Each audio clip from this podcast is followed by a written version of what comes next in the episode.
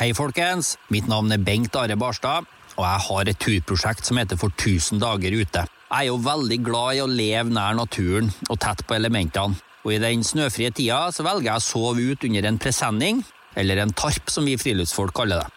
Og Fordelen med å leve under en sånn duk, det er at du får dyr og fugler veldig tett på. Du både ser og hører ryper som skvatrer, og du får med deg alle værskiftninger i løpet av døgnet. Barents Outdoor de lager to typer tarper, og begge her typene er egentlig perfekt for meg og hundene. De har fine opphengsmuligheter og sterke, gode bardunfester. Det siste er ekstra viktig for oss nå da, når høststormene begynner å nærme seg. Ellers er det utrolig gledelig for meg å kunne si det at tarpene til Barents Outdoor de er sydd på Melhus i Trøndelag i Norge. Mer informasjon om disse produktene finner du på barentsoutdoor.no. Og husk på det, folkens, at den første reparasjonen på et Barents Outdoor-produkt den er bestandig gratis.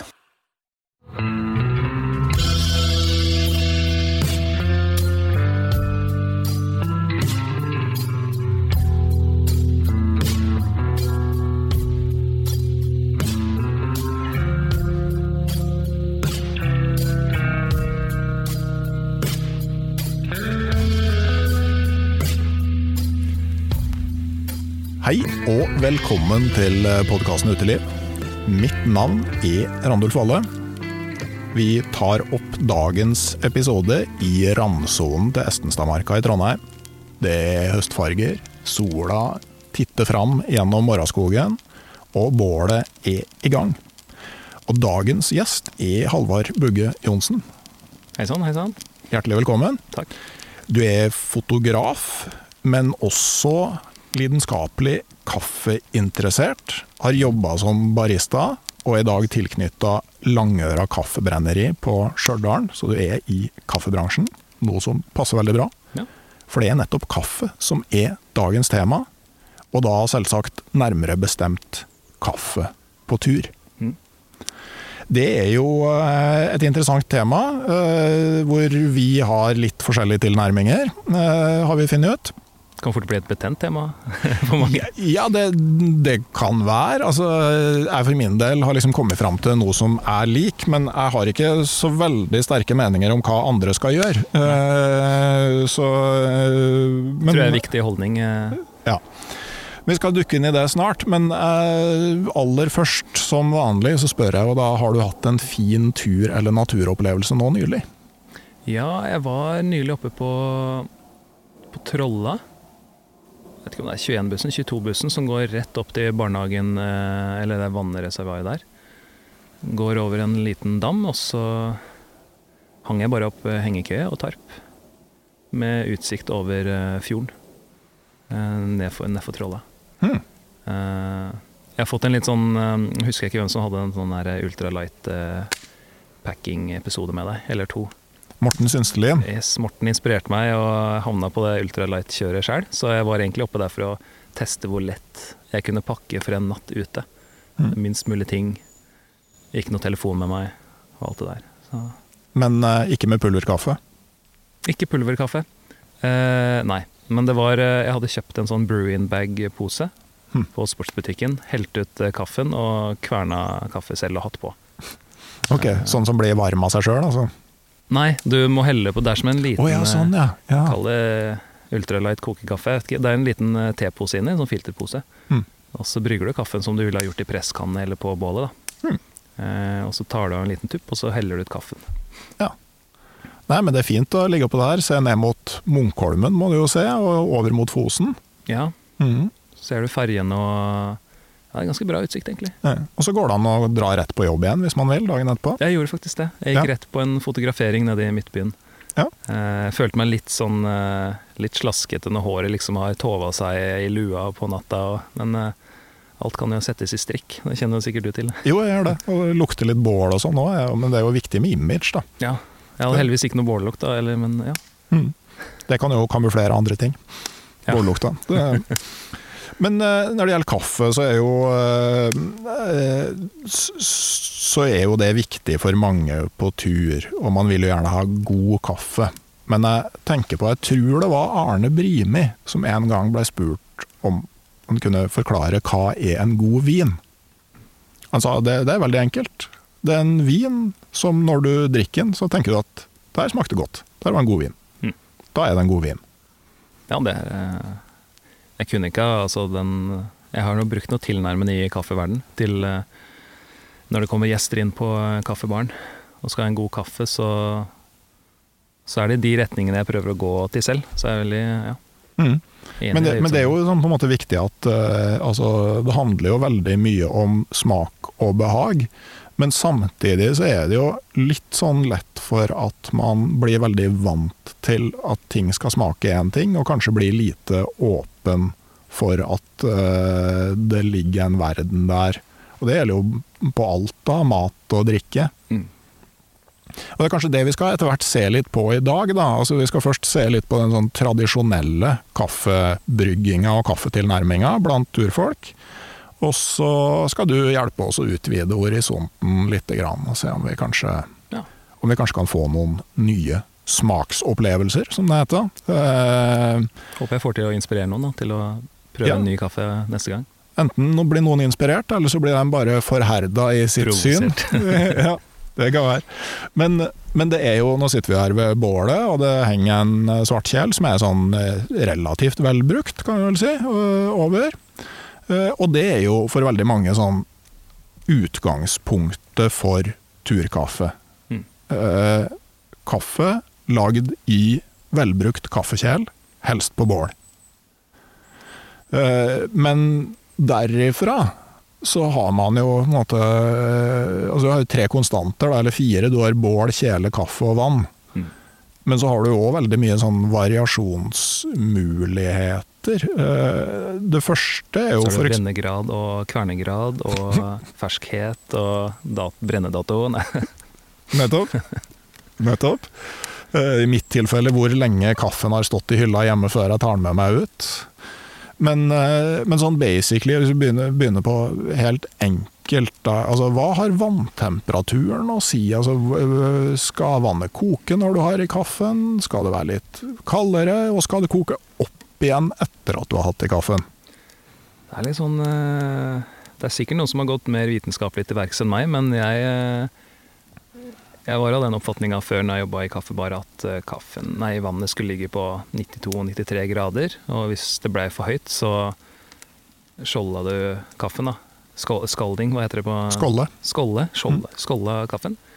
Og så, Hva er det som skjer da? aner ikke. Det er, Hva som, hva som skjer med smaken? kaffen, ble, kaffen ble flatere, da, trodde jeg. Men nå, altså nå så, så, så tar jeg bare vannkokeren eller kjelen rett av og begynner å brygge med en gang. Jeg Mm. har ikke tenkt så mye på temperatur, egentlig. Men det, det er viktig at temperaturen er høy nok for å få ekstrahert nok eh, smak, eller nok greier ut av kaffen. Da. Mm. Hvis temperaturen er for lav, så må du for å Hvis du brygger en kaffe på 100 graders vann, 95 graders vann, Mm. og så brygger du den samme kaffen på 80 grader, så må du kanskje brygge dobbelt så lenge for å få ut samme stoffene. Ja. Eh, Kjemi, rett og slett. kjemi, rett og slett. Mm. Det har kanskje du mer kjennskap til. eh, Burde i hvert fall. Det, men eh, det er klart, altså prosess, de fleste prosesser går raskere på, på høyere, høyere Ja, så kan du si at du sparer tid. Så kan du kose deg mer. eh, Nei, poenget i skauen er jo kanskje ikke å spare tid, men eh, jeg ville bare ikke tenkt så mye på temperaturen. Eh, Nei, ta kjelen av varmen og så ha i kaffen. Ja. Mhm. Og hvis den har stått en stund, så kan man gi den, gi den et nytt oppkok, da. Ja, ok, jeg har stått ei stund. Nei, hvis du tar av eh, Hvis du får kok, og så begynner du da å preppe til eh, brygginga, mm. og så har den stått av kokinga en stund, så kan du gi den et nytt oppkok. Ikke kaffen, men vannet, da. Mm. Eh, Ja, for, for det er jo en annen ting, ikke sant. Altså, øh, sånn gammeldags tømmerhoggerkaffe, så er jo du skal ha i kaffen, og så skal du henge den over igjen, sånn koke over, tre ganger. Du ler? Ja, nei, det Jeg har ikke prøvd det sjøl. men jeg kjenner at tunga snurper seg litt. Eller det, skjer ting i ganen min. Og bare, det, det høres jo veldig bittert ut og harskt ut. Ja. Eh, Eh, Ja, er det rett og slett altså, Får du ut andre stoffer fra kaffen når du koker den opp med altså Bitterstoffene sies at det ligger på slutten av bryggetida. Mm -hmm. Så jo, jo hardere du brygger, jo mer av de stoffene som får til tunga til å snurpe seg litt, ligger på slutten. da. -hmm. Så jeg ville ha prøvd å, unngå de tre gangene, for det eh, Det vil jo gjøre kaffen veldig sterk og, og dra ut mye mer bitterstoff. Men hvis, det, hvis, man, hvis man har høy toleranse for bitterhet, så, så ser jeg ikke noe Det er ikke noe galt i det. Jeg vil kanskje bare fraråde det med kanskje lysbrent kaffe. Mm. Hvor, eh, hvor man gjerne da vil ha litt mer av smaken på Se her, ja, her koker det. Der må vi ha mer av smaken til eh, råvaren og jordsmonnet, og ikke så mye eh, brentheten og bitterstoffene. Ja. Skal vi ta ta av eh, Ta av kaffen? Vi, vi skal jo se litt mer på eh, forskjellige typer kaffe og sånn, men, men jeg tenker at den der eh, måte, tradisjonen med å la det koke opp igjen Altså, jeg husker jo eh, farmor og farfar. Mm. Altså, dem tok seg jo ikke råd til å tømme ut all gruten i kaffekjelen etter de hadde kokt eh, morgenkaffen, og så og så ta bare ny kaffe når du skulle koke igjen til middag. Der var det middag klokka tolv. Ja, ikke sant? Eh, På dagen. På dagen, Ja. Det, var, det var en liten kaffekopp før du gikk i fjøset, og så var det frokost etter fjøset. Og så var det middag klokka tolv, og så var det nonsmat før fjøstid, og det var siste måltid. Så to måltider, ja. Nei, tre. Fro Tre. frokost etter fjøset, og så var det middag klokka tolv, og så var det nonsmat før fjøstid. Men i hvert fall, jeg tenker at det, det var jo eh, en måte å spare kaffe på, og at du kanskje hadde i ei skei med ny kaffe, og resten måtte du hente ut fra den gamle gruten, og så bytta du, tømte du kanskje ut annenhver dag, eller noe sånt. Og, og da tenker jeg det gir mening å brygge det hardt og koke det opp igjen kanskje flere ganger. For å få trukket ut siste slumpen, ja. Ja, men ja, det gir mening. Jeg lurer bare litt på hva funksjonen til kaffen var på den tida. For det kan jo ikke ha vært koffein hvis det Eller? Nei, kanskje ikke, men eh, det er jo noe vi skal komme inn på. Altså, det er jo, kaffe er jo i stor grad et ritual. Mm. Eh, Og eh, sånn under krigen når man drakk kaffeerstatning, som vel var lagd på bønner og erter som var brent, Hard kost. ja, så, så var jo heller ikke det noe koffeinkilde. Nei.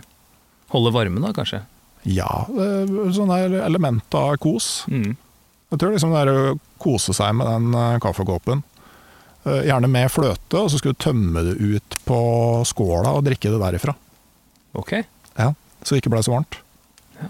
ja Det, Nå slapp å sitte og vente. ja, det var liksom eh, Farfar tømte alltid ut eh, kaffen på skåla og drakk den derifra. Så falt under? Ja. ja. Ja, for da får du Altså, den er ikke så dyp. Nei. Så kaffen vil kjøles kjapt ned. Ja. Så, eh, og med tømmerhoggere nå, tenker jeg at eh, så har man jo latt det koke opp. Men, men jeg syns at det blir en veldig bitter smak hvis du, eh, hvis du koker med, med kaffen i. Mm. Men, men, men hvor viktig er det her med dosering? På kokekaffe, da, eller mm. Generelt? Jeg vil si det er viktig Altså, ja, jeg vil si det er viktig. Det er på en måte første svaret, men det er flere svar. Det kommer litt an på hva du skal brygge. Sånn hvis du da Hvis du brygger en liten kopp med Aeropress, så vil du merke veldig forskjell på eh, om du bruker 18 gram kaffe på 300 gram vann. Jeg går veldig i gram her, da. Det er Jo, kanskje litt sånn eh, Ja, du har jo med digitalvekt på tur, du. Kan Ja. ha det? Jeg kunne tatt med den med Bluetooth òg, men eh, jeg orka ikke å sitte så mye på telefonen. Nei, det, det er en annen eh, Ja. Men sånn i På en Aeropress, altså, Mm. bare for å fullføre det, så, så vil du merke forskjell på to gram kaffe, eller en teskje med ferdigkverna, eh, og fem-seks gram. Men hvis du hiver oppi ti gram for mye i en halvannen liter eh, bålkjele, så vil jeg ikke påstå at det har all verdens å si.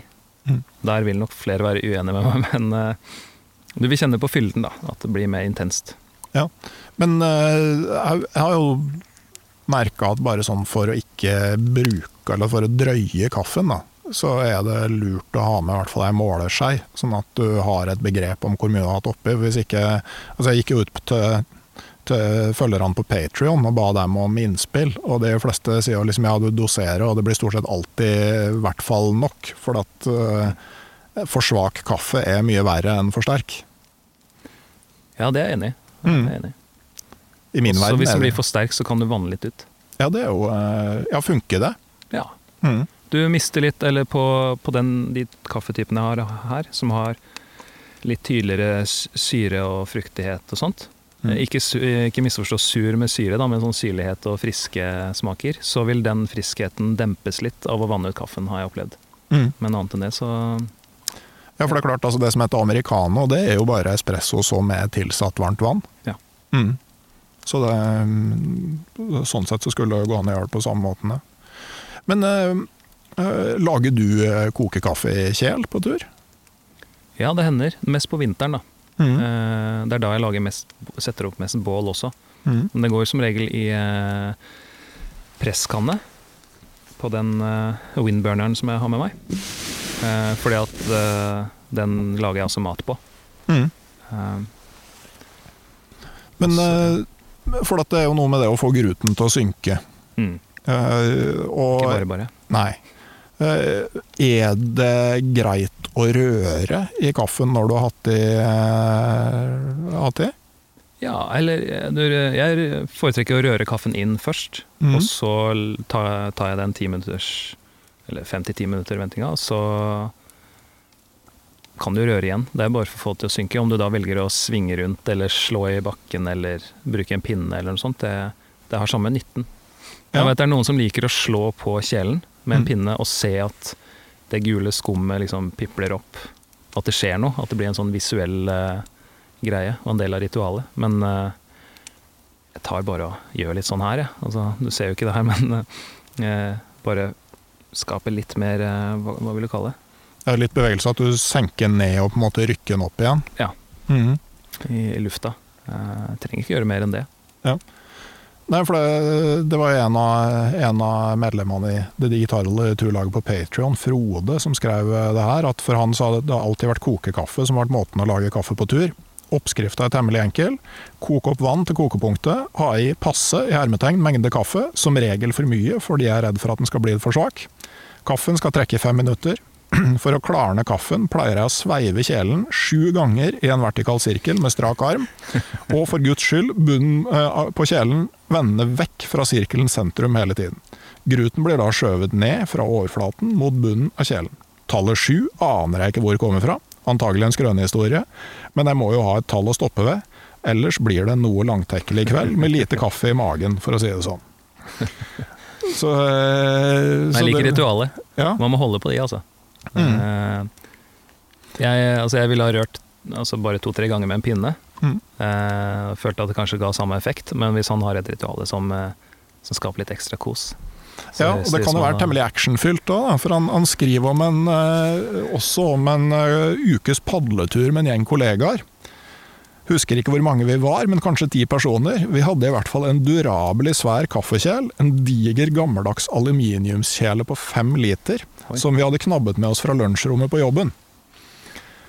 Eh, så når vannet var kokt på bålet og kaffen trukket ferdig, så måtte jo kjelen sveives for å få all gruten til å synke ned. Det var jeg som sto for den seansen. Jeg hadde jo teknikken inne for den tunge kjelen, for vi var jo flere dager ute i turen, og kjelen hadde jeg sveivet hver dag. Da jeg kom til det fjerde sveivet, eller var det det femte, jeg husker ikke helt, i hvert fall på vei oppover i sveivet røyk hanken på kjelen. Oi, på en femliters kjele. Ja, ikke har jeg verken før eller senere sett en kaffekjele så høyt opp i lufta, og kjelen var helt tørr da den kom ned igjen. Heldigvis kom ingen til skade, så det var bare å finne fram repsaker og fikse hanken med noe ståltråd, koke ny kaffe og sveive på nytt. Da med et mye bedre resultat. Kunne gått skikkelig gærent, det, da. Ja, det, det kunne det, men det Men brent, brent folk og eh, gitt dem en eh, kul i hodet. Ja, så, eh, så det er viktig å ha omgivelsene klare da, når du sveiver kaffe. Ja. Men, men du har ikke noen sånne sterke synspunkter på om det skal liksom ristes eller røres eller bankes, altså? Så lenge du får gruten ned i bunnen. Det er kanskje et kjedelig svar, men så lenge gruten synker og slutter å, og Den slutter jo egentlig ikke å brygge kaffen. Eh, Nei. men uh, få det ned sånn at det blir lettere å, å få en renere kaffe, og, og slakke ned brygge, brygginga. Ja. Så lenge du får til det, så, så har jeg ikke noe sterk formening om hvordan Nei, for, det, for det er jo når, når all gruten synker til bånn, så altså, brygginga stopper ikke helt, men den begynner jo å gå saktere. Ja. Mm. Og det er mye av det. Som, altså, jeg, jeg opplever at halvparten av gruten allerede har synket lenge før du begynner med prosjektet om å få, få det ned. Mm. Sånn i, i dine øyne, altså hvor kjapt etter at en eh, kjele med, med kaffe er brygga, hvor lenge går det før smaken måtte, har eh, falt under 80% Ganske fort, vil jeg si. Eh, Ja. altså, etter mine eh, Hva skal man kalle det? Etter mine preferanser. Da. Jeg heller alltid rett over på en termoskopp mm. eh, som jeg har med meg, og så heller jeg resten på en, eh, en sånn titankopp der borte. Mm. Og så drikker jeg opp den, og så har jeg resten til nedturen eller hvor enn, da. Ja. Jeg prøver å få det ut av kjela så fort som mulig. Hm. Eh, når jeg drikker for min egen del, da. Ja, for jeg har hørt på liksom sånn veldig fine eh, kaffebarer, spesielt i Italia. Hvis du bestiller en espresso der, så får du ikke lov å ta den med deg. Du må drikke den mens de står og ser på. For, for, eh, Intenst. ja, fordi at eh, hvis du eh, lar det gå tre minutter før du drikker den, så eh, mener de da at den er, da er kvaliteten for dårlig. Veldig pirkete, dårlig kundeservice, vil jeg si. Man må få gjøre som man vil. Men jeg har, jeg har bodd et år i, i Milano, og jeg har observert den kulturen med espressodrikking. Mm. Og klokka ett eller tolv så kommer jo haugevis av folk inn, legger en euro på bordet og roper kafé, og så får de en espresso, og så shotter de inn, da, med eller uten sukker, og så går de. Mm. Så har jeg aldri sett noen som har tatt med en espresso to go Nei. eh, selv. Men eh, kanskje på den plassen der, da. Mm. Men det, det, jeg har jo alltid hørt de historiene på kaffebarer i Norge hvor det kommer folk inn og baristaen nekter å gi dem melk for at de mener at kaffen skal nytes uten melk i sin rene form. Og jeg bare himler med øynene når jeg hører sånt. Mm. Uh, selv om jeg ofte anbefaler å smake på kaffen før du har i melk. Mm. Uh, spesielt på lysbrent kaffe så, så forsvinner alt det som er godt med kaffen når du tilsetter noe med fett. Ja. Eh, Ja, for det er jo et nytt spørsmål, ikke sant. Tilsetninger i, i, i kaffen. Så, så melk og fløte og også melkepulver vil eh, fjerne en del av smaken. Ja, det kommer litt an på kaffen, da. Hvis du har en veldig mørkbrent kaffe som er til dels bitter og, og litt treaktig i smaken, så kan eh, melk eller fett da, det kan eh, dempe, dempe de eh, usmakene. Mm. Eh, så gjerne hvis du har en klype salt oppi, så kan det også fjerne bitterhet. Okay, Jeg vil si Salt funker bedre enn sukker, da, for sukker bare tilsetter sødme oppå bitterheten. Men salt vil motvirke Kanskje forsterke sødmen og motvirke eh, bitterheten. da. Ja, men når du sier klype salt, altså det er ørsmå mengder, eller? I en, på en kjele da kanskje en god, god klype, men uh, hvis jeg har det Det har hendt at jeg har putta en kaffekopp i mikroen som har stått på kontoret. Mm. Ikke si det her til noen. Ja. Uh, da tar jeg bare en sånn liten, så vidt at du kjenner saltet mellom fingra. Ja. Og så rører jeg rundt i kaffen og varmer den opp. da. Og det har gjort underverker da, når jeg ikke har hatt kaffe på jobb. Mm. Uh, Ja, og noen som sier at det, være at det her er spesielt viktig på vinteren når du brygger kaffe på smelta snø, fordi at den er helt fri for mineraler. ja. At du da tilsetter noe. Ja, at eh, det er var en av, en av Patreons som sier at ha i litt salt, når, spesielt når du eh, Det var obligatorisk med litt salt i kaffen, og spesielt eh, når du brygger på smelta snø, som er For det er jo helt mineralfritt vann, ikke sant. Ja, men det gir jo mening når du sier Ja. det. Og det er jo litt sånn når du er på lang, lang vintertur på ski, så er det en digresjon lurt å ha med seg et eh, mineraltilskudd, fordi du drikker helt mineralfritt vann. F.eks. Eh, eh, da magnesium er viktig Ja. for å motvirke krampe. Elektrolytter og Mm. Fikk, eh, fikk vi eh, beskjed om, i hvert fall, en gang. Eh, Men sånn med Altså, jeg ser eh, Jeg følger jo en podkast som heter Tåkeprat, og da har jeg merket at eh, Even der hadde eh, lagd turkaffe. Tyrkisk kaffe, sukker, kakao og kanel. Høres ut som en uh, veldig intens og rik smaksopplevelse. Ja. uh, Men da snakker du mer en sånn slags kaffedrikk enn uh, en kaffe. Ja, da er det jo det er det mye annet som skjer der. Mm. Krydderet og Hva var det du sa? Sjokolade? Kakao. Kakao? Eh, og ganske like doser kakao og kaffe. Ja Det hørtes så godt ut, men eh, jeg ville nok ikke tenkt at det var en Det blir mer en eh, Sånn krydderdrikk, liksom. krydderdrikk, ja. Mm. Med kaffetilsetning. Mm. Ja, for det er jo en del som f.eks. har sånn sjokoladedrikkpulver oppi kaffen. Mm. Og jeg jeg syns jo ikke det er godt å blande de smakene. Jeg er veldig glad i kaffe, jeg er veldig glad i sjokolade, men jeg vil ha det hver for seg. Ja, det skjønner hva du mener. Eh, En kaffe vi skal smake på her, den har jo Altså fra jordsmonnet og prosesseringa til den kaffen, så har den fått noen smaker som kan minne om kakao. da. Mm. Eh, Og sjokolade og kanskje mandler mm. og nøtter. Eh, Og det er en sånn klassiker for Brasil og Sør-Amerika generelt, at de har litt sånn nøttete, sjokoladete smaker. da. Mm. Eh, Det er mange som misforstår og tror at når det står på en pose at det er hint av sjokolade eller bringebær, så har man tilsatt det i kaffen. Men det er jo ikke tilfellet, da. Nei. Eh, Så kanskje Mm. Kaffe er litt som vin, tror jeg. At liksom det å sette ord på smaker er jo en eh, stor del av det meideriet. Det er det så vanskelig i starten òg. Hvis Mm. du er ny med kaffe, og noen sier at det her smaker blåbær, og så smaker du på det og spør om det er ikke blåbær her. Men hvis du da smaker noe som overhodet ikke smaker blåbær, eller en eh, mørkbrent kaffe, så kjenner du plutselig forskjellen. Mm. Så du må alltid ha Hvis du er ny med Ny, ny på sånn eh, lysbrent kaffe, eh, så ville jeg ha prøvd forskjellige typer samtidig. Hvis du vil lære fort, da. Ellers så blir det overveldende. Det Ja. er umulig å sette fingeren på. Så eh, stikke på en kaffebar og bestille fire forskjellige små kaffer. Ja. Sellandrå i Trondheim har jo en sånn, jeg vet ikke om de har det nå, men en sånn baristafrokost, som er et brett med Du får espressoen, la oss si fra Langøra, da. Og så får du den filterbrente versjonen, den litt lysere brent, som en kaffe, og så får du en cappuccino. Mm. Så får du smake de forskjellige typene. Mm. Hvordan tilberedninga ut, øh, øh, forandrer smaken. Ja. Men øh, sånn, noen setter vil koke opp kaffen sammen med en einekvist. Har du prøvd det? Det har jeg aldri hørt om. Nei? Hva, hva er det det Nei, det skal vel smake litt skog, da. Altså, personlig syns jeg at liksom, egentlig også mange bruker einer til røyking. Mm. Jeg syns jo einer veldig fort blir for dominerende. For Tenker på gin, jeg. Ja, det er jo for så vidt eh, Det er ikke så ille, men Nei. eh, Nei, det altså Jeg føler skogen er såpass tett på når jeg er i skogen uansett, så jeg trenger ikke ha det i kaffen. Eh, Men einerkvist eller barkvist i tuten som sil er òg et uh, triks. Har du med kaffesil på tur, du? det har skjedd. Mm. Uh, men nå er det ofte at jeg siler gjennom et uh, sånn, sånn kaffefilter, da, sånn papirfilter. Mm. For å få, egentlig bare for å få en reinere kopp. Mm. Det høres litt snobbete ut, men jeg liker, liker den filtrerte munnfølelsen mer enn en presskanne, da, eller kokemat. Det er vel sunnere òg, for det er en del sånn oljer du slipper å filtrere. Kaffestol og kaviol, mm. eh, som er ganske Det, er jo, ja, øker kolesterolet betraktelig hvis du kun drikker ufiltrert kaffe. Mm. Eh, så det kan, hvis man har høy kolesterol, så kan det være en idé å begynne å filtrere kaffen. For det vil ha mye å si hvis du drikker noen kopper om dagen.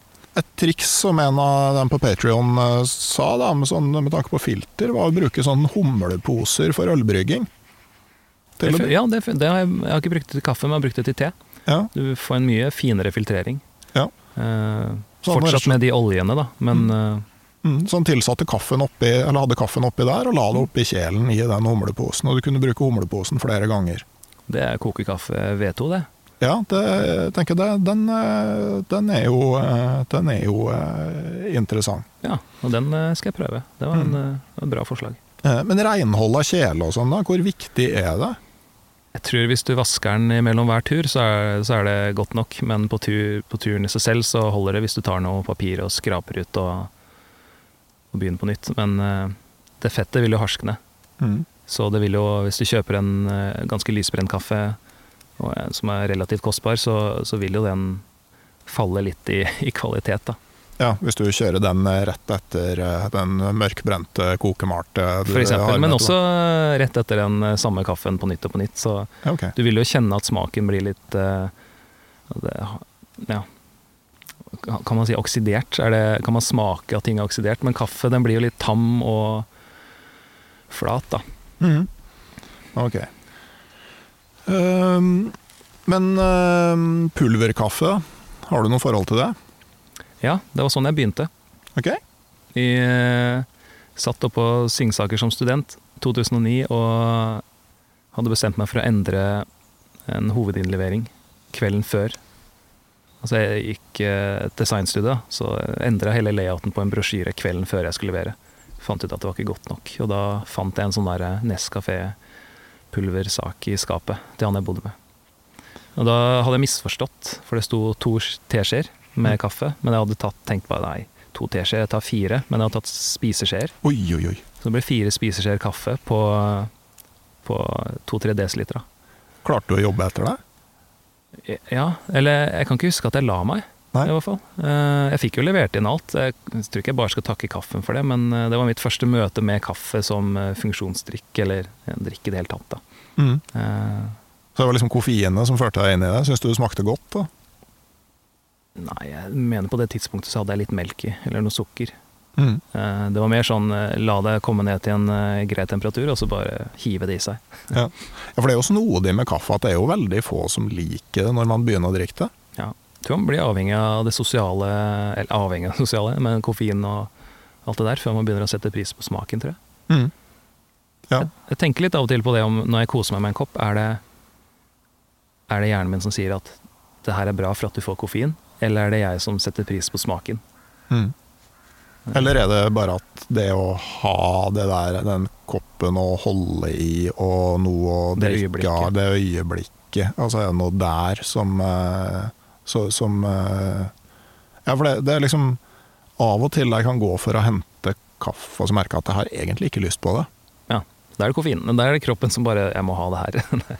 Ja, det, Sjøl om du er litt sånn ekstra gira. Det, så det, det er jo litt sånn eh, spesielt. Men det, det er jo en del av lytterne som bruker pulverkaffe, og noen som anbefalte et merke som du får kjøpt på farmasiet. Oh, ja. Som var eh, da eh, vesentlig bedre. Altså, I hvert fall pulverkaffe og pulverkaffe kan være to forskjellige ting. Mm. Eh, Jeg har brukt pulverkaffe på veldig lange turer. Altså sånn Veldig det- praktisk, da. ja, det er det. Og på vinteren så er det praktisk fordi at du slipper det at det fryser i kjelen og mm. sånn. Så jeg husker jo fortsatt veldig godt da Bengt Rotmo og jeg gikk på ski gjennom Nordvestpassasjen. Og annenhver morgen så var det min tur til å smelte åtte liter eh, vann eller noe sånt, og vekke han med frokost. Og da kokte jeg meg jo en, en pulverkaffe. Ja. Og lå der i telt og kjente på varmen fra primusen og kjente dagen sige Ja, for på. du, du holder koken med primus i telt? Ja, ja. Ja. Ja, altså, du må jo fyre, du må jo smelte snø inne i teltet. Ja. Ja, ja. Det, Åh, jeg bare har bare hørt så mye sånn skrekkhistorier av smeltende telt og ting som tar fyr, men du har jo vært ute før, så ja, nei, det sånn når du er i sånne områder, så er det ikke noe vei utenom. Og dessuten, så da er jo Det er jo sånn jeg egentlig har tenkt å studere nærmere, men uh, teltet er jo ganske nedrima og fuktig. Sånn at det skal mye til for å fyre på det eh, Ja. om uh, morgenen. Men uh, altså på lengre vinterturer i telt, så, så må du fyre inne. For det, været er jo av og til sånn at det går ikke an. Har du sånn kullosvarsler i taket som henger med fra tråden? Nei, eh, vi hadde da et sånn kokesystem som var målt for Kullås kullos og funnet eh, trygt. Jeg hadde militærtjenesten min på Forsvarets forskningsinstitutt og jobba med akkurat det der. eh, Ja. eh, ja jobba med prøv- Drev og utvikla prototyper til en ny primus for Forsvaret, som aldri ble satt i produksjon. Da. Men, eh, men da fikk vi målt den eh, primusen vi skulle ha med, og den kjelen. Vi, vi fikk låne en kjele derifra og fikk sjekka at til sammen eh, Ja. Eh, ikke hadde noe, noe farlig utslipp. Så, eh, men jeg husker at vi brukte en Vi kjøpte en slags pulverkaffe som, som kom i teposer. Og inni teposen så var det først og fremst pulverkaffe, men det var òg litt øh, filtermalt kaffe. Sånn at du fikk smaken fra pulverkaffen, og så fikk du litt sånn aroma fra den øh, filterkaffen som lå inni teposen. Så det var sånn klart steg kombo, opp, da. Ja. Steg opp fra, fra rein pulverkaffe. Men jeg har ikke sett eh, tilsvarende produkt i, i Norge. Det, jeg veit ikke om det er noen norske, men det har kommet en del sånne, der, sånne spesialkaffe-pulverkaffer. Sånn Mm. Sudden Coffee eh, i San Francisco og sånt for noen år siden. Mm. Som prøvde å frysetørke Jeg vet ikke om det er frysetørking? Er det sånn de lager det? Jeg tror du brygger kaffe og frysetørker. eller noe. Ja. Mm. Men det må også veldig mye kaffe til for å få veldig lite. Sånn det er en uh, ineffektiv prosess, da. Men uh, de tok uh, veldig kostbar kaffe og, og lagde pulverkaffe. Mm. Jeg vil si det smakte betraktelig mye bedre enn Nescafé sin, da. Mm. Og så er det noen som har begynt med å lage konsentrat og fryse ned, så du får sånne pods med isbiter som du vanner ut i koppen din med kokende vann. Ok, Så du bare har kaffe i fryseren, da. Ja. Tar deg en pod, og så ja. Det kan jo være på en skikkelig kald vintertur. Altså På den Nordøstpassasjeturen så hadde vi ikke bare med kaffe, vi hadde med iskrem. Oi. Ja, det var jo, det var jo så kaldt at vi Hadde naturen som kjøl... Nei, ja, bare lå i pulken, så vi spiste den da vi var halvveis på første etappe. Ja. Det, det var jo det var vel aldri noe varmere enn 15 kuldegrader, tror jeg. Så det var, det var sånn innskytelse. Ta med en liter med is for å feire når vi er halvveis på første etappe. Wow. Så eh, det var på en hviledag. da. Kaffe og is. Ja, kjempegodt. Kanskje kaffeisbiter blir neste? Ja, det Har de tror- hengende på utsida? Ja, jeg, ja, kanskje. Nei, jeg tror pulverkaffen eh, fortsatt ja. ruler der, også, eh, hvis man først skal ha det. Men, men eh, også på sånne lange padleturer i Canada så har jeg hatt med pulverkaffe. Men da har det vært eh, Jeg har hatt med liksom en sånn eh, halvkilo med Da har det vært eh, malabar som jeg har hatt med. Ja, indisk. Ja. Ja. Eh, sånn monsun-malabar. Eh, For den er litt gjæra, så vidt jeg vet. Ja, det er eh, Jeg har lest meg på det her nylig. Det er eh, den Det blir i hvert fall dyrka veldig lavt. Ja, så tror jeg det ligger noen sånn hauger i monsuntida, så du får en sånn slags gjæringsprosess. Men det er jo Ja. ganske sånn kraftig, mørk smak, da. For det, eh, for, for det er jo sant, Det vi egentlig ikke har snakka så mye om, er jo den kaffen du har oppi kjelen. Mm. Eh, og der er jo Folk har jo ja, Noen er altetende, og noen har på en måte sine kjepphester. Mm. Jeg har landa altså, Jeg og Thomas, som jeg fisker med, vi er glad i å fiske og vi er glad i kaffe. Og Det var en sånn 14-dagerstur vi skulle ut på hvor eh, pulverkaffe ikke var en option. Hvor Thomas gikk rundt på supermarkeder og så på bryggeoppskrifta bakpå for å finne ut hvilken sånn kommersielt tilgjengelig kaffetype som ga flest liter per kilo. Ja. Eh, og det viste seg faktisk å være Løvbergs Lilla. Ja. Sånn helt sånn vanlig. Så vi hadde med Vi hadde med råstoff til 42 liter kaffe på 14 dager. Det, 42 liter, ja. det holdt akkurat. Ikke sant? Litt rasjonering, så gikk det bra. Men jeg har seinere endt opp på Suegas skånerost. Eh, For nå kan jeg liksom ta det fra sånn amatørsynsvinkel, og så kan du få opplyse oss litt etterpå. Eh, Pressure. Eh, For at det, Suega skånerost er en mørkbrent kaffe. Den er filtermalt. Eh, ganske finmalt, sånn at den bruker litt mer tid på å synke. Må kanskje sile litt mer mellom tennene. Men jeg finner ut at da kan du bruke mindre kaffe Mm. og samtidig få god smak. Du klarer å trekke ut mer av, av smaken. Mm. Og så kom den i vakuumpakka halvkilos blokker. Som gjør at en halv kilo med soyagas tar egentlig ikke noe mer plass enn et kvart kilo med sånn kaffe som er pakka i beskyttende atmosfære. Hvor du liksom Ja, men sånn eh, Ja, slags, Det er noe gass de fyller det med? Jeg tror det? jeg, lurer på om det er nitrogen eller noe sånt. Ja. inn. Eh, Men mer effektivt for turen, da. Ja, det, det er spesielt sånn når jeg hadde hund uh, som bar kløv, så var ofte plass det som begrensa mer enn vekt. Hmm. Og da var det der eh, blokkene uh, var, var, var bra, da. Så det, det er sånn som jeg har eh, Der har jeg endt opp, da. Men så, men så tenker jeg at eh, hvor lenge Altså, kaffe er jo ferskvare, ikke sant? Jo, Definitivt. Ja, så når en kaffe er brent og malt, hvor lenge går det før smaken da begynner å tape seg? Eh, for den type kaffe jeg er veldig glad i, så vil jeg si at etter, altså på brennedato, eller fra brennedato, så vil jeg ha venta kanskje en, iallfall en uke før jeg vil si at kaffen er på sitt beste, etter at den har fått avgassa seg og sånt. Og fra det punktet så føler jeg at den begynner å Kaffen begynner å falle i ikke kvalitet, men i smak etter kanskje tre-fire uker. Mm. Kjenner det kanskje på andre-tredje uka at den har mista den omfen, da. Den mm. friskheten og sånt. Men jeg har jo funnet kaffe i skapet som er halvannet år gammelt, som fortsatt smaker så godt. Men den har mista det jeg kanskje følte var grunnen til at jeg betalte for den, da. Mm. Ja, for jeg vet bl.a. blant annet Stein P. Aasheim overvintra på Svalbard med familien. og Jeg mener at de hadde med kaffebønner som de sjøl brente og malte. Ja. Og da får du ferskbrent. Eh, Mm. Men veit du hvordan han brente kaffen? Nei, det husker husker jeg ikke. trommel eller i steikepanna, eller Det husker jeg ikke. Jeg lurer på om det var i steikepanna eller kjele eller noe sånt. Altså. Det, Det er en morsom hobby. Man får jo sånne hjemmebrennere nå, kan kjøpe råkaffe relativt rimelig. Og mm. Det er, eh, vi anbefaler alle å prøve det. Kan du drive lovlig hjemmebrenning, faktisk. Ja, nettopp. Mhm. Lovlig. Men eh, hvis man skal da ha et eh, mer sånn bevisst forhold til kaffe, Mm. da har du jo med litt som vi skal smake på her i dag. Yes. Eh, har du lyst til å forklare litt først hva som på en måte skiller ulike typer kaffe?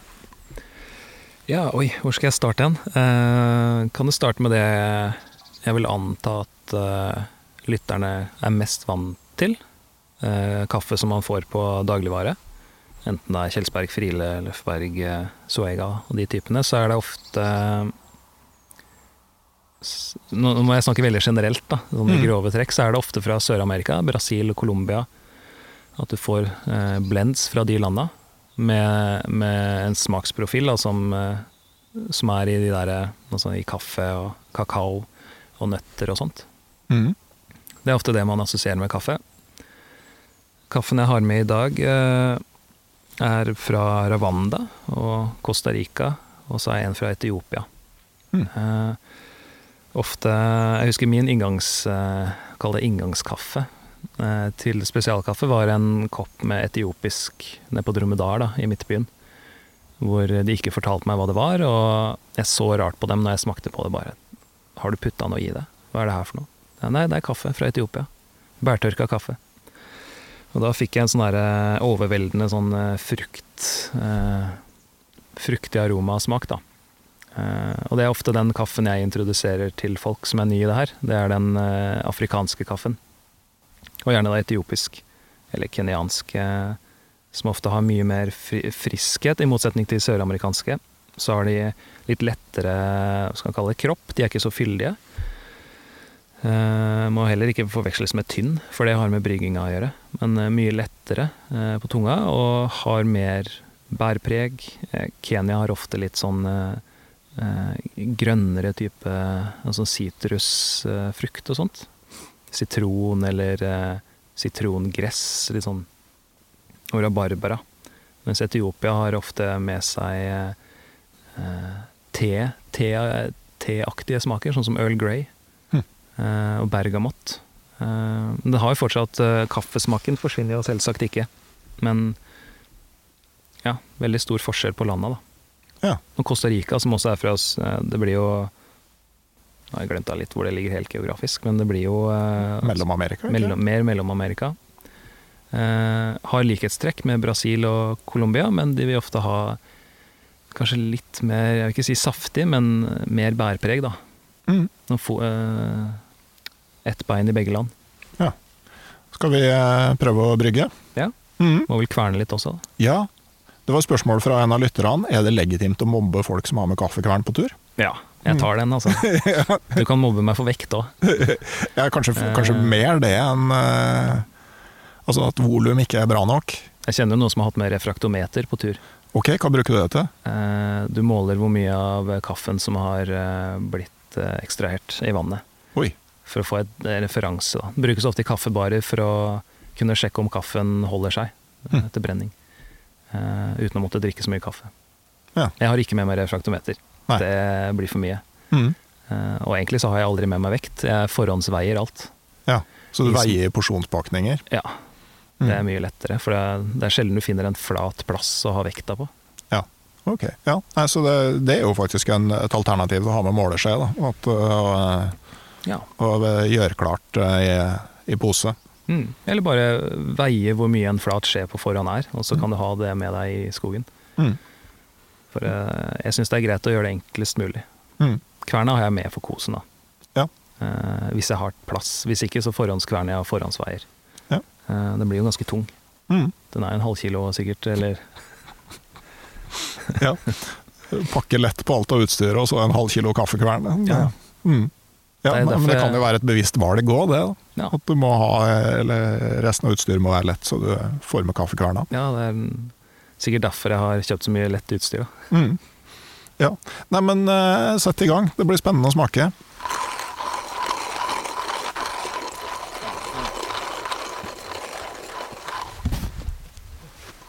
Men hva slags kaffe er det du har her nå? Det her er den Costa Ricaen. Mm. Som vi også skal prøve på bålkaffe. Mm. Eller på kjelen. Hva er det som kjennetegner den? Den er eh, Først og fremst er den veldig jeg vil kalle den funky, for den har blitt eh, motsetning til eh, vaska kaffe, som er den vanligste prosesseringa. Som man har eh, på de man kjenner fra butikk, hvor, det, hvor kaffebæret eller fruktkjøttet flerres av før bønna foredles. Så har den kaffen her blitt fermentert uten luft på tank eh, med fruktkjøttet på. For kaffe er jo et bær, så det er veldig mye fruktkjøtt som er rundt frøet. Mm. Eh, og det fører til at kaffen blir veldig Altså, du kjenner at det er noe som har levd da i kaffen. Eh, den er veldig eh, frisk. Eh, det er moden frukt. Det er vanskelig å spesifisere hvilken type frukt, da, men her så har vi jo langrasin. der er det, det er hint av bringebær, lime og kirsebær. Eh, jeg, jeg prøver aldri å bruke for mye av de smaksbeskrivelsene før folk har fått smakt, for at det er litt vanskelig å, egentlig å vite hva som er lime og kirsebær i en kaffe før du har smakt noe som ikke er lime og kirsebær. Mhm. Men eh, var det den her som onde tunger eh, mente at eh, ga et hint av fjøs òg? Uh, ja, jeg vil jo, jeg vil jo si at eh, det vekker eh, fjøstanker mm. eh, på enkelte av de typer her da, som er anaerobisk fermentert. Mm. Eh, men eh, det er liksom det Jeg liker den fjøssmaken, men jeg skjønner hvorfor folk syns det kan være litt eh, eh, skummelt, da. Mm. Skulle drikke fjøs. Ok. Prøv igjen. Ja. Da har vi prøvd det her én gang, og da ble det trukket litt for lite. Så eh, nå, nå prøver vi med ett og et halvt minutt, eller hvor mye øker man i intervallene? Hvis det Jeg tenker eh, nå, nå brygger jeg 20 gram kaffe Mhm. på 300 gram vann. Mm. Og skal la det stå i eh, to minutter før jeg rister på den for å få gruten til å synke. Mm. Og så bruker jeg et halvt minutt på å trykke ned. Hm. Så er vi ferdig på en tre minutter. da. Det er en tungvint eh, turoppskrift, men det er den jeg bruker hjemme, da, som jeg veit Ok. gir gode resultater. La oss prøve. Yes. Heller på startertida.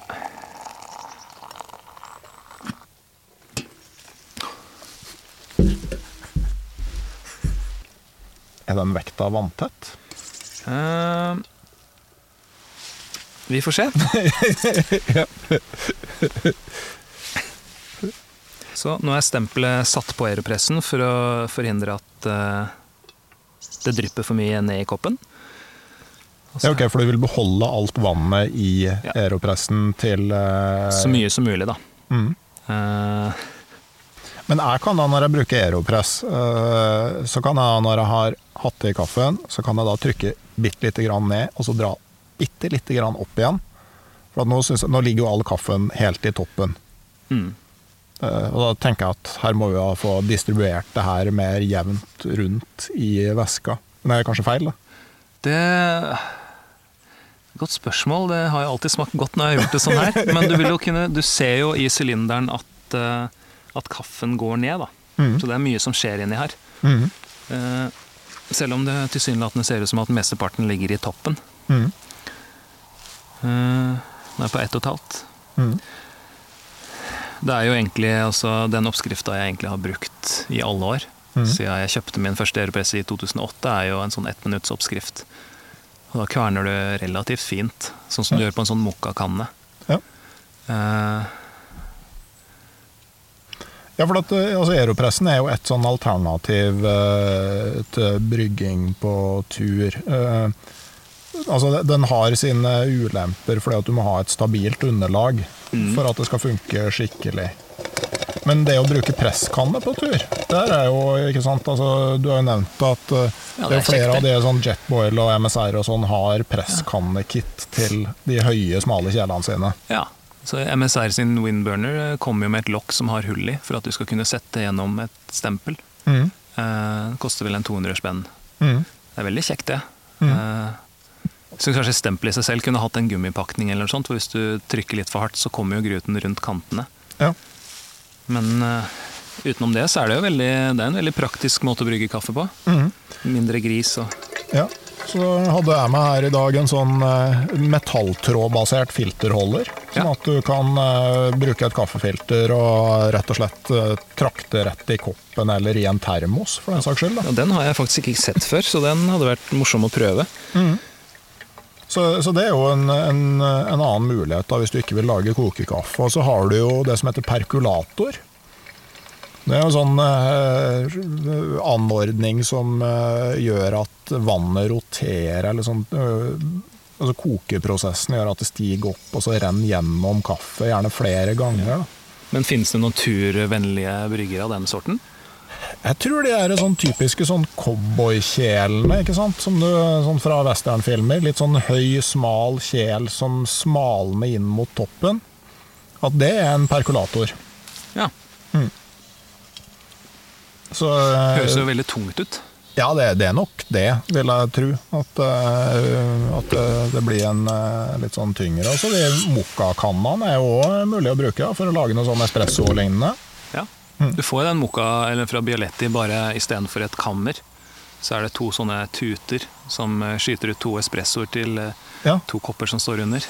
Det tror jeg faktisk jeg har, men jeg har aldri begynt å ha det med på tur. Det er noe med liksom å ha det her høytrykksgreiene stående på primusen som jeg bare er sånn Ja. medium komfortabel med. Du må prøve å finne de som har ventil. Ja, så det sånn Eh. sikkerhetsventil. Ja. For det hadde de ikke i starten, når de begynte å produsere Bialetti. Nei, Så de eksploderte jo. ja, Så det er jo flere ganger at jeg har kverna for fin kaffe, og så utløses ventilen. ja. Da står det jo en sånn steam, steamer rett ut, da. Mm. Du vil jo ikke være i nærheten av den. Nei, nei, for det er noe med altså, ting under trykk. Det er jo eh, alltid en risiko der. Sånn. Ja. Er vi ferdig. Jeg ser, jeg ser bare på fargen at den her er mer i Mer der vi har lyst på den. Ja. Eh, I stad så var eh, lukta på plass. Kan du sette meg her? Mhm. Den på, den her. Jeg smakte på den, og den var jo veldig tynn, men jeg vil ikke si at den var sur. Eller hvordan opplevde du den? Nå foreløpig så har jeg bare lukta. Og, jeg må si at eh, sånn, Det er jo noe med hva du blir fortalt òg, men ikke sant, de fjøsassosiasjonene eh, kommer jo veldig for meg eh, her nå. Men det er ikke noe negativt. Det er gode minner. De sier jo at lukt er en av de sansene som, eller de sanseinntrykkene som sitter lengst i minnet. Ja. Mm. Det er jeg for så vidt enig i. Men jeg vet ikke om jeg klarer å Hvordan smaker man på kaffe, egentlig? Altså Med Prøver vin å- så skal du jo liksom langt baki, og du skal rotere og Ja, jeg vil si at du kan smake, smake på samme måte. Eh, prøv å dele opp det du opplever. Du slurper det en gang, og så prøver du å kjenne etter fylden. Er den lett? Er den tung? Mm. Hvordan ruller kaffen på tunga? Ja, for at den, den føles jo på en lettere enn altså Referansepunktet mitt er jo Soega Skånerost. Mm. Og den her er jo mye mer syrlig. Mm. Hvor, hvor kjenner du syra hen, da? Jeg kjenner jo rundt i munnhulen da nå.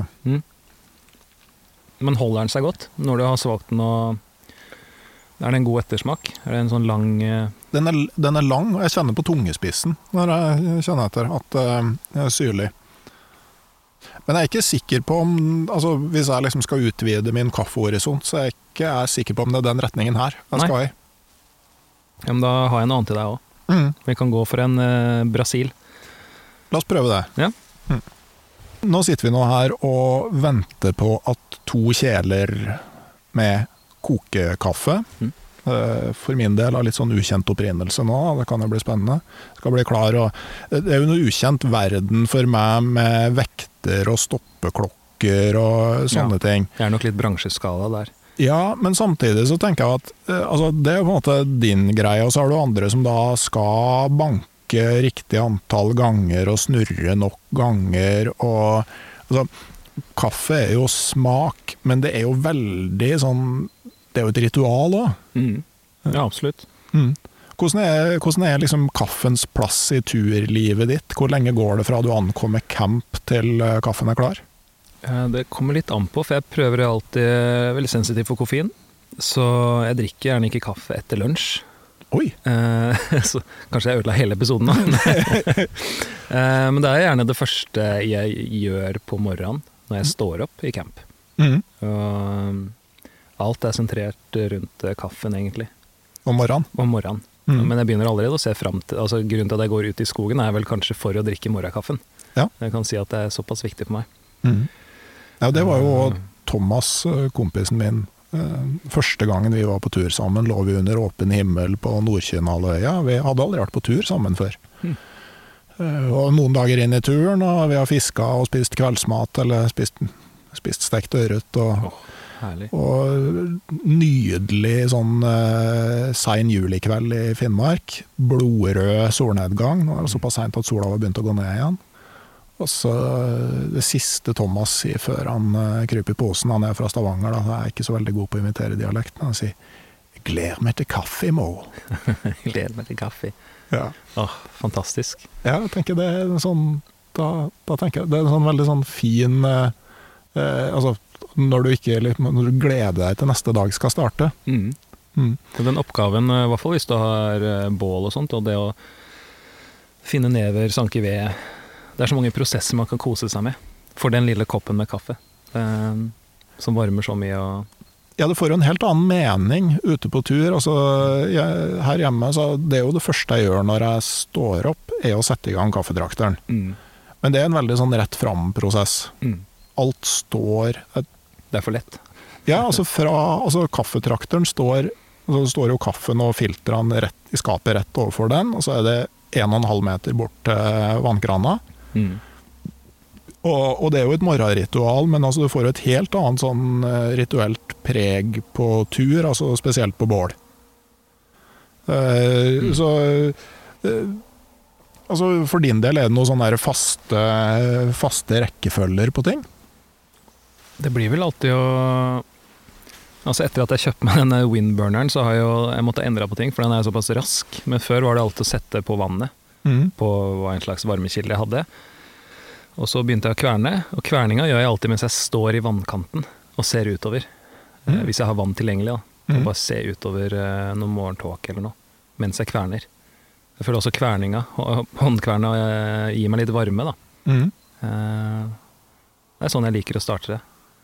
Eh, Hen- Hente hjem- vann og kverne mens vannet koker. mens vannet koker. Ja. Ja. Hjemme så er det ikke så kos med den kverninga. Det er mest sånn, i hvert fall Hvis jeg har hjemmekontor med kjæresten, så blir det fort at på tredje brygge så begynner jeg å kjenne at jeg blir litt støl av det. Men ja, sette på vannet og kverne. Eh, og så har jeg vel ikke noe Jeg prøver å sitte og ikke gå rundt og drikke kaffen og prøve å finne ut hva jeg skal gjøre nå, eller at jeg pakker mens jeg drikker kaffen, men at den kaffekoppen får sin stund, da Mm. til det er tomt. Eh, Ja. At den holder meg sittende. Mm. Eh, det har jeg som en sånn grunnregel. Da. Ikke fram med mobilen. Nei. Nei, på de siste turene har jeg Jeg fikk en sånn dumtelefon i julegave i fjor. Mm. Så den kjøper jeg AtB-billett med, og så tar jeg trikken opp i marka. Og så legger jeg iPhone hjemme. Mm. Det har vært en sånn eh, øyeåpner for meg, da. For da, da Selv om jeg får lyst til å dele et øyeblikk med noen, eller uh, si ifra til noen hva jeg driver med, så har jeg ikke kjangs. Jeg blir liksom tvinget til å gå offline. Mm. Uh, Sindre, uh, som er med i turlaget på uh, Patrion, Mm. han er jo inne på at bålkaffe er et viktig ritual i seg sjøl. Kanskje det aller viktigste når det kommer til sjelens og tankens næring ved ferdsel i skog og mark. Oh. Kroppen trenger hermetegn koffein og varm drikke, men sinnet trenger det seremonielle. Svartkjell, furubål, mørkeblå horisont og de ubetydelige, men svært viktige prosessene. Selv praktiserer jeg tre hev og sju dunk etter at kaffe har trukket litt. Det smaker liksom ikke like bra hvis jeg slurver her. Nei. Det er En poet, han der. Ja. Og, og det er en av de finere beskrivelsene jeg, ritualene jeg har hørt. Da. Ja. For meg så blir det litt det samme som ei vedfyrt badstue. Uh, I stedet for bare å skru på en bryter, da, Mm. som skal bære vann ut og fylle på tanken, skal fyre opp, skal legge i litt til, og så kan du gå inn ideelt sett et sted mellom 40 og 50 grader og bli med på oppturen Mm. i temperatur. Og det, det er sånn det at ting tar tid, da. Ting er Eh, taktilt, og man bruker sanseapparatet på en helt annen måte. Og når det er kaldt ute og sånn, så blir jo ting forsterka også, mm. føler jeg. Men eh, hva slags kopp skal man drikke etter urkaffe? da? Jeg er på titankoppkjøret. Ja, Men jeg har alltid hatt en trekopp. Med, eh, men innenfor trekopper så er det også ett hull eller to hull på hanken. Ja, det er en, en sånn, greie. eh, Som rosin i bolla eller ikke. Men jeg foretrekker to, da. Ja. For å ha stabilitet. Stabilitet i drikkeprosessen, ja. Jeg er nok mest glad i eh, ting som ikke avgir så mye smak. Ja. Som jeg føler trekopper gjør. Men uh, i hvert fall hvis, hvis jeg har med en veldig uh, frisk og fruktig kaffe ute i skogen, så er det fint å ha den på en titankopp eller uh, emaljekopp, da. Mm. Men uh, hvis det er en litt mørkere brent eller en søramerikansk kaffe, så, så syns jeg det, det skader ikke med de tresmakene til eh, nøtter, mandler og sjokolade. Nei, og så tror jeg jo kanskje at en trekopp og i større grad absorberer smakene av det du har i den. da. Det, Viderefører til neste kopp. ja, gjør det. Og, og det er eh, Altså, én ting er å rengjøre kaffekjelen hvis du bare koker kaffe inn, men te, det er på et vis kaffens nemesis i eh, tilberedningsprosess. Altså, det ille det Te som smaker kaffe er ikke godt, men kaffe som lukter te, det syns jeg er mye verre. Spesielt hvis du har hatt en sånn der eh, sånn eh, green tea med enten med, med, med, med mint, Mm. eh, eller en tilsvarende sterk smak. Altså Da må det Kjelen må skrubbes, og gjerne kokes ut av. Eh, sandskrubbes. Altså utrolig hvordan den smaken sitter igjen, og det har forsura Mm. morgenstunder for meg, altså. Ja, det, det skjønner jeg veldig godt. Jeg har jo morsomt her. Jeg skal jo legge inn en kaffe til deg som, som er fra Etiopia, som har hint av Earl Grey-te i seg. Fra Ja. jordsmonnet. Ja, Men jeg tror det blir en litt annen opplevelse. Ja. For at det er integrert. Det, la oss håpe det. nå begynner eh, kokekaffen, og den er vel litt over tida nå, men kanskje vi skulle tatt og smakt på den? Det syns jeg høres ut som en kjempegod idé. Den har eh, stått i 10 minutter og 16 sekunder. Ja, det er fint, det. Når det er såpass grovmalt, så opplever jeg ofte at det har ikke så mye å si om du misser fem minutter, så lenge det ikke er fem minutter for lite. Så, mm. så lenge alt går over fem til seks minutter, så, så er det ikke noe krise. Og så vil det uansett synke av seg selv. Ja. Så vi får ta en titt. Da er det blindtest for min del her. Jeg vet ikke hva det er jeg får.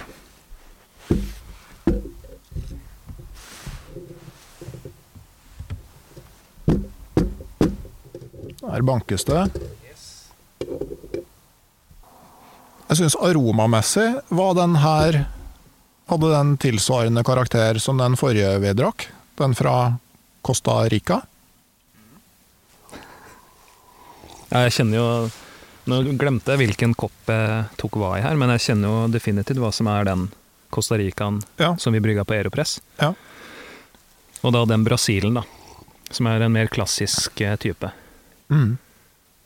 Ja, for jeg, jeg tror på en måte at den Costa Rica-kaffen med det, Den veldig sånn gjennomgående syrlig smaken, syns jeg. Mm. Jeg kjenner den er også forsterka siden vi brygga 13 minutter, da. Og det, det, jeg skal nok være så ærlig at jeg sier at hvis jeg skal søke ut i sånn eh, finkaffeland, så er det ikke det her jeg kommer til å forfølge videre. Nei. Mm, for jeg, jeg, syns det jeg. jeg syns det blir på en måte for endimensjonalt. Det blir nesten surt, syns jeg. Ja. Og så prøver jeg den andre, som da er klart mørkere av farge. Mm.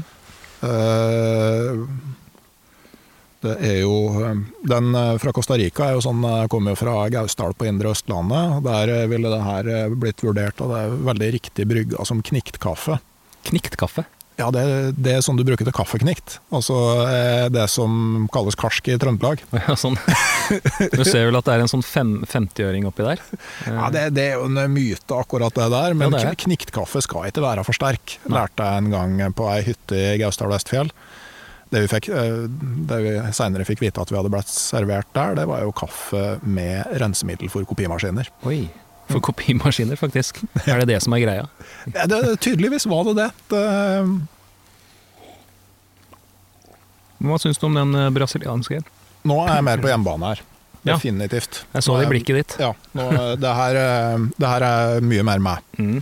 Og det, er, det du smaker nå, er ikke en eh, klassisk Brasil, som man eh, ofte kjenner i eh, Friele sine eller eh, Kjelsberg sine, men det er en, eh, en bærtørka Brasil. Mhm. Altså Så- med fruktkjøttet på? med fruktkjøttet på. Mm. Så har det ligget på solsenger og tørka. Mm. Eh, bønna, eller frøet, da, har trukket til seg mye av den eh, sødmen og, og fruktsmaken fra bæret. Og så flerres det av, og så tørkes kaffen. Mm. Det, her kunne det her sporet kunne jeg fulgt videre, for at det her eh, kjenner jeg at er litt i soegasbanen, men at det er nok en rikere og mer kompleks smak. Ja. Mm. Det folk lurer på, da, sånn med komplekse smaker og sånn, altså hva skjer når du ligger i telt i 20 kuldegrader? Du blir kald, da. Du blir veldig kald. Jeg har aldri vært ute i 20 faktisk eh, og sovet. Nei. Eh, Min rekord, hvis det kan kalles rekord, det er minus 12. Mm. Men eh, ting har kanskje litt mindre å si på kompleksfronten. Ja, jeg vet ikke. Og så blir jo kaffen fortere kald, rett og slett. Og hvis Men- du har den på termoskopp, så forsvinner også aromene, som du har nevnt. eh. Ja, for det med termoskopp med lokk på, da er det veldig mye av opplevelsen som blir borte. Mm. Men, men jeg tenker jo litt sånn at eh, for min del så er Altså For deg så er jo åpenbart kaffe sånn der, eh, et univers Mm. som du driver og utforsker. Altså jeg har nok, mens vi har planlagt episoden, kommet fram til at kaffe for min del mer er en sånn derre konstant, eller et sånn slags omdreiningspunkt som det andre former seg rundt. Ja. Eh, at hvis jeg vil Altså, jeg har smaken av en litt sånn mørkbrent, fyldig kaffe som en sånn referanse i turlivet. Mm. Og så kan jeg, altså hvis jeg vil ha nøttesmak, så kan jeg ta med nøtter. Hvis jeg vil ha kakaosmak, så kan jeg ta med sjokolade. Mm. Uh, og bringebær spiser jeg gjerne på tur. Men, uh, Men hva med kakaobønner som da har eh, hint av bringebær fra jordsmonnet? ja, kaffebønner Ja, kaffe, nei, altså, kakaobønner. altså sjokolade laget på eh, Burundi-kakao, da. Ja, ok, det, det er et ukjent land for For meg. det, det er også Jeg har noen eh, Det er en eh, kaffebrenner i byen som er helt nerd på sånn eh, bean to bar, da. Mm. Som er eh, reine sjokoladebarer med fokus på smaker fra jordsmonnet. da. Mm. Og da får du Det er samme verden som kaffen. Ja. Du får de der eh, tropiske notene og sånt. Der ser du. Er samme hva du beveger deg inn i, så eh, Det er skadelig. ja. Det er no way back. Mm. Så vær forsiktig med kaffen, folkens. Mm. veit ikke hva dere begir dere ut på. Men man Nei. må jo ha en litt interesse for, for smaker og Man trenger ikke nødvendigvis være en foodie som går på dyre restauranter, men hvis man ikke har interesse for å utforske mat og drikke på den måten, så, så har man kanskje ikke den interessen for kaffe heller. Nei. Eh, Nei, også, altså det er jo mulig å prøve, men sånn øh, øh, Det er jo For min del så vet jeg jo mer hvor jeg skal begynne å lete.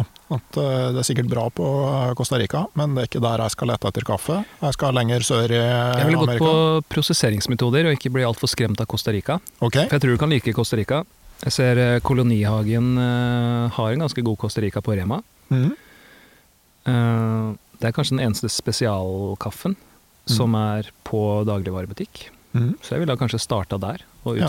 den, eh, de produktene. Eller eh, gått til en lokal kaffebar mm. og spurt om de har noe søramerikansk. Men sånn med, med Du snakker jo om lysbrent og mørkbrent. Altså hva Hvor mye har det å si? Mye. Ja. Det, jeg pleier å sammenligne det med en biff. Sånn, man vil jo gjerne at biffen ikke skal være en kullbit når du får den på fatet. Mm. Og samme er det med kaffen. For eh, når kaffen er mørkbrent og når, når på en måte det som kalles second crack, da. Så eh, kaffebønner oppfører seg litt som popkorn i brenneren. Mm. Så etter eh, ja, litt sånn forskjellig på tid, da, men etter så og så mange minutter så begynner det å poppe og, og sprette inn i brenneren. Da kommer man til first crack, og det er der eh, eh, mikrobrenneriene nå om dagen liker å holde seg til. Mhm. De eh, venter så og så lang tid etter first crack, og så kjøler de ned kaffen. Men så er det de som tar det videre til second crack, hvor du bryter ned eh, celleveggene i, eh, i råvaren, sånn at oljene kan begynne å piple ut. Og da kommer du til et punkt der kaffen begynner å eh, Altså brenneprosessen begynner å dominere mer av smakene enn jordsmonnet. Mm. Og da, da føler jeg at man begynner å kanskje Min mening er at man da ødelegger råvaren, da. Og da er det mer snakk om å få ut de brente smakene enn de gode smakene. Eh, så Fin måte å bruke annen sort kaffebønner på. da. Ja, absolutt. Eh, så det er jo Og ofte så Det er kanskje de lærde strides rundt, men mørkebrent kaffe fra dagligvarebutikk hadde nok ikke smakt eh, like komplekst og fruktig som de vi sitter med nå, om de hadde brent den råvaren lys. Nei. For den er ikke valgt ut på samme måte, den er ikke dyrka kanskje med samme kunnskapene rundt dyrking. Og de har ikke tatt like mye hensyn til råvaren. Mm. Uh, men det er også det er et stort område, det er et uh, annet felt, da. Kanskje en annen episode. Brenning av kaffe. Ja. Men uh, brenning vil jeg si, det, det, det gjør mye på smak. Uh, og jeg liker kaffe som holder seg rundt det første, første klekket, da. Mm. Hvor eh, jordsmonn og sånt bevares. Jeg registrerer altså at jeg foreløpig er på en eh, totalt gjennomstekt grå biff. Ja. Mm. Kullbit. Mm. Men igjen, da, det er, eh, smaker er assosiasjoner og hva man kobler på, så det er ikke noe galt i det. Nei. Men uh, hvis man først blir bitt av basillen og opplever de smakene som vi sitter med nå, så, så er det en stor verden å utforske. Mm. eh, som jeg vil absolutt anbefale å, å stikke innom og ta en titt på. Ja. Mm. Din absolutt beste turkaffeopplevelse? Oi. Og den var vrien. Jeg tror det kanskje må være Uff, vanskelig. Det har jo vært så mange. Mm. Eh, hvis jeg kan tenke litt, og så kan du klippe ut tenketida. uh, jeg tror det, det må ha vært en av de For jeg er jo eh, opprinnelig fra Svolvær, Lofoten. Mm. Uh, men vokste opp på Østlandet, så jeg har jo ikke dialekta. Men jeg pleide å ta noen uh, frokoster oppe på Kjellbergtind, Kjellbergtind Mm. i Svolvær. Eller sånn 300 meters liten topp. Eh, hvor jeg tok med kverna, vekta, aeropressen. En sommer hvor jeg var arbeidsledig og venta på studier. Og vel, fleste av vennene mine var borte.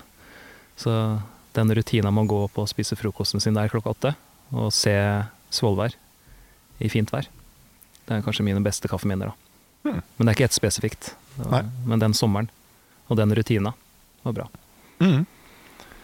Og så er det noe med folk, altså ta vare på kafferitualet eh, på tur. Mm. Det innvie nye generasjoner i magien. Det er jo noe med hele den der prosessen, høre lydene som endrer seg i kjelen. ikke sant? Du har den der susinga, buldringa, som viser at temperaturen begynner å komme opp, og så forsvinner suselyden, og så Mm. begynner det å boble, spytte på, på flammene. og Jeg, jeg trenger sånne ting, for jeg er så For å være helt ærlig så er jeg ikke så glad i selve turen. Jeg er veldig glad i ankomsten, Ja. og misliker veldig eh, avskjeden. Ja. Men det å være i camp og sette opp tarp og lære seg nye knuter og effektive triks og liksom notere seg hva som funka og ikke funka, alt det praktiske og det utfordrende, og, og kafferutina det er det viktigste for meg. Mm. Sånn, eh, kjæresten min pleier å Hun blir ikke irritert, men hun eh, påpeker at jeg vil sitte så lenge på, på toppen av fjellet når vi kommer på tur. Mm. Mens hun vil bare hjem igjen, for hun, hun, hun koser seg med å gå. Ja. Blir sliten, mens jeg vil jo, når jeg først har kommet på Geitfjellet, så vil jeg sitte der en time. Ja. Jeg går jo ikke med det første. Mm.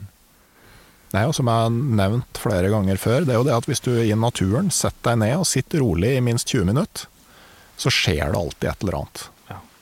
Enten i hodet eller i naturen. Ja, det, det skjer alltid noe i naturen, at du må bare evne å se det. Og det Mm. ser du kanskje da, hvis du sitter der med, med kaffekoppen og, og holder fokus på den og på naturen rundt deg. mm. Mm. Det er jo fint å sitte i mark markagrensa en høstdag i Trondheim, men nå er det oktober er like rundt hjørnet, høsten er her. Hvis du kunne valgt et annet sted å være enn det her Akkurat nå. akkurat nå. Akkurat nå. Fritt valg, hele verden. Hvor skulle du vært? Mm. Jeg har ennå ikke opplevd eh, Rondane. Eh, kanskje en tur inn i, inni der. Ja. Eh, Dørålseter er jo en sånn eh, fotoklassiker på den eh, tida her av året. For da får du høstfargene ned i dalen, og sånn melissnø på fjellene som speiler seg i et vann. wow. Det er jælfotografert, men det er en grunn til det. Ja. Jeg har ikke vært der og tatt bilder. Nei. Eh, nydelig. Mm. Da og Sjekk det ut. Takk for Ja. tips. Gjør det. Da tror jeg at vi har, eh, vi har ikke kommet til bunns i det med kaffe. Vi har begynt å skrape så vidt i eh, kremaen, er ikke det dette? På, eh, kaffe- espresso, ja. på espressoens overflate. Mm. Den bitreste delen. Ja. Under så ligger det da et dyp av eh, herligheter å dukke inn i for den som eh, Mm. har lyst og interesse. Eh, det vi ikke har snakka om, er hvordan man skal drikke kaffen. Er det lov å slurpe når man drikker? Og er det Ja. Jeg tar det som et ja. Og det er lov å pese etterpå. Jeg, eh, samme som med vin og øl og alt, alt jeg drikker, første slur, eh, slurken, da er jeg litt sånn snobbete. Egentlig bare for å få et inntrykk av kaffen, og etter det så går koppen ned på høykant. Det er bare vane, men eh, ikke noe galt i å slurpe, men se an situasjonen. Ja, det kan være lurt.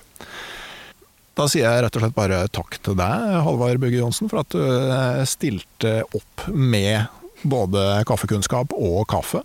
Takk for at jeg fikk komme. Det var Ja. hyggelig å prate litt. Ja. Så vil jeg òg takke det digitale turlaget på Patrion, som har bidratt med innspill til denne episoden, og som gjennom sine faste månedlige økonomiske bidrag og er med å holde podkasten Uteliv på rett kjøl. Om du også kunne tenkt deg å være med i turlaget på Patrion, så er det fort gjort å ordne det. Gå inn på patreon.com, eller last ned Patrion-appen, og søk opp podkasten Uteliv. Så kan du velge medlemsnivå, og vips, så er du med og får tilgang til eksklusive episoder, ekstra innhold og eh, mulighet til å påvirke episodetema, spørsmål og valg av gjester. Jeg kan òg nevne at nå i høst så trekker jeg ut et medlem i det digitale turlaget den tiende i hver måned fram til jul, som får et av mine altfor mange telt. Hiv deg rundt innen 10. oktober og bli med, så får du med deg alle tre trekningene. Kan oss gjester eh, melde oss på? Ja, det, det, det, gjester kan være med på Skatt Patreon hvis de vil det. Eh, og det er et eh, vintertelt som er det første ut. Uansett så kommer det en ny episode av podkasten Uteliv om ei uke. Ha det bra.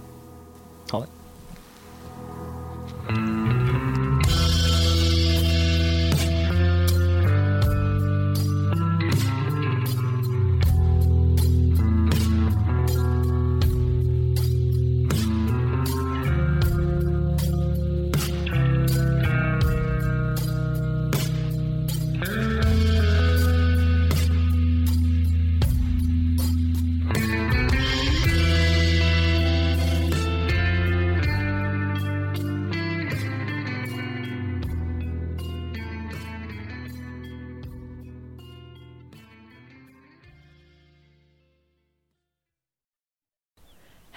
Jeg heter Nore Helligsen og er daglig leder i Barents Outdoor. Det beste vi kan gjøre for planeten, er å redusere forbruket vårt og få mer ut av det utstyret vi allerede har. Men vi vet av erfaring at bruken av telt kan endre seg over tid. Det teltet du kjøpte for to år siden, passer kanskje ikke det behovet du har i dag. Derfor har vi i Barents etablert en egen panteordning der vi tar imot brukte telt av god kvalitet i innbytte når du kjøper et nytt av oss. Prosessen er enkel. På barentsoutdoor.no gir det oss informasjon om teltet du vil bytte inn. Basert på det får du et tilbud fra oss som gir deg rabatt på ditt neste Barents-produkt. Mer info og betingelser finner du på barentsoutdoor.no. Og husk at den første reparasjonen på produkter fra Barents er alltid gratis.